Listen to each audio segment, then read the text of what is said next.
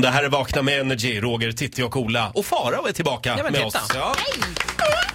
Nej men titta där, där är han ju. Här är jag! Jag har varit här sedan klockan fem i morse. Alltså, Jag låg under bordet. Ja, det är bra. Där kan du ligga ibland. Farao. Ja, Tokiga Farao. Eh, idag ska vi prata lite grann om mellovinnaren Frans.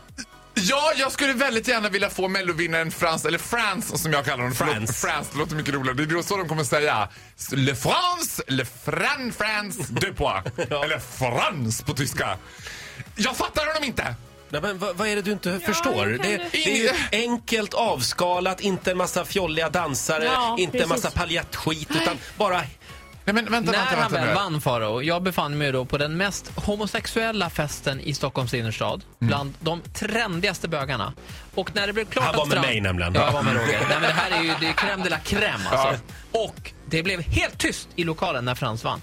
Alltså, Var det bögarna... bara du som... Åh! Jag, jag och Linda var så här... "Ah, eh." Ö, Men, nej. Jag håller med, det blev lite konstig stämning när han vann. Bögarna hatar men, honom. men Ja, är men- inte och- lite befriande? Men, ja, nej, men alltså det intressanta med Frans, för jag har ju verkligen studerat Frans nu också. Mm. Dels är det att han har eh, utbrutit någon sorts milf-masspsykos över Frans. Charlotte Perrelli har aldrig varit så kränkt i hela sitt liv som när Expressen felciterade henne och sa vi har ingen chans att vinna igen. Och då menade ju Charlotte Perrelli självklart enbart att historiskt är det väldigt svårt att vinna två gånger i rad. Det har bara Irland gjort.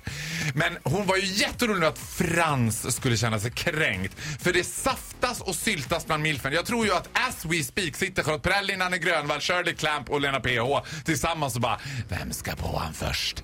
Och Frans är oh, vad hemskt. livrädd.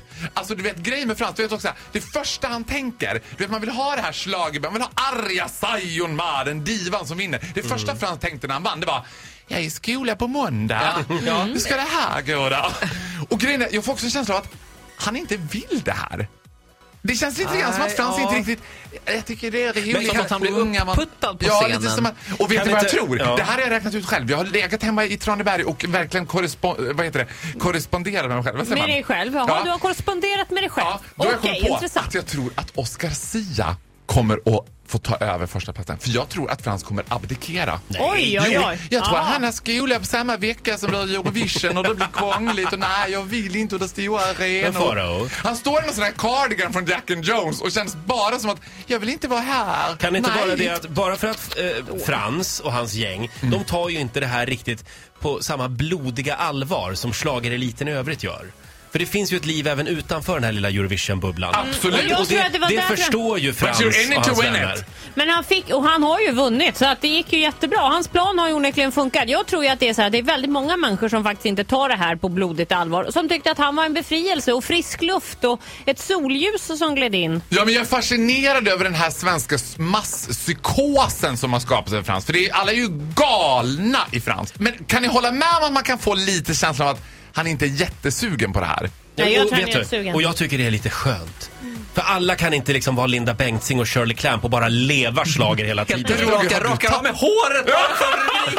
Jag måste vara med igen! Ja, Farao. Jag tänker bara att det kommer att vara väldigt märkligt när Frans ska uppträda i Pride Park också. Han är ju totalt osexuell. Det låter ju på papperet så här. Usch vad du är elak nu. Han Ja, är alltså, 16 år, 17 17 ger vi år. honom. Ja, men det ändå. ligger ju Ja. någonting i att han inte har blommat ut i sin sexualitet än. men Sådana vad här- är det? Nej, men Nu så- är ni väl Roger! lite För i grann där ni helskotta! inte Nu ska får vara. du, du kan inte li mig hängen. Roger, säg till vilken bög som helst här. Det är en 17-årig ung kille från Ystad som har vunnit. Då kommer varenda jävla bög och så Frans, Frans! Tills Frans kommer ut och bara Hallå! Och alla bara Va? Men nu vet du Nej, vad? vad är Hallå, det här? hallå, han är ju inte där för din eller någon annan bögs skull. Nej men det, är ju var inte. Oscar Men Zia. däremot, Och så vad hände med han?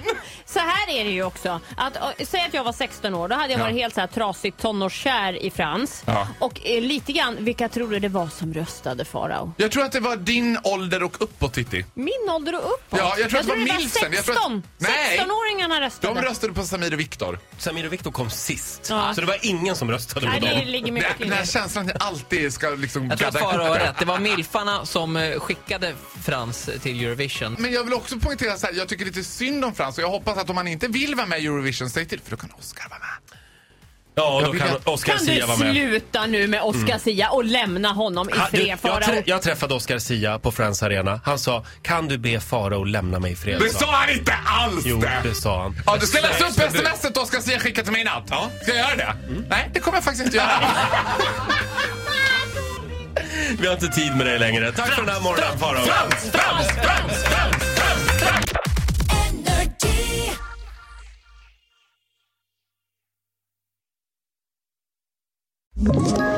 Ett poddtips från Podplay. I podden Något Kaiko garanterar östgötarna Brutti och jag, Davva, dig en stor dos skratt. Där följer jag pladask för köttätandet igen. Man är lite som en jävla vampyr. Man har fått lite blodsmak och då måste man ha mer. Udda spaningar, fängslande anekdoter och en och annan arg rant. Jag måste ha mitt kaffe på morgonen för annars är jag ingen trevlig människa. Då är du ingen trevlig människa, punkt. Något Kaiko, hör du på Podplay. Därför arkadeinerna.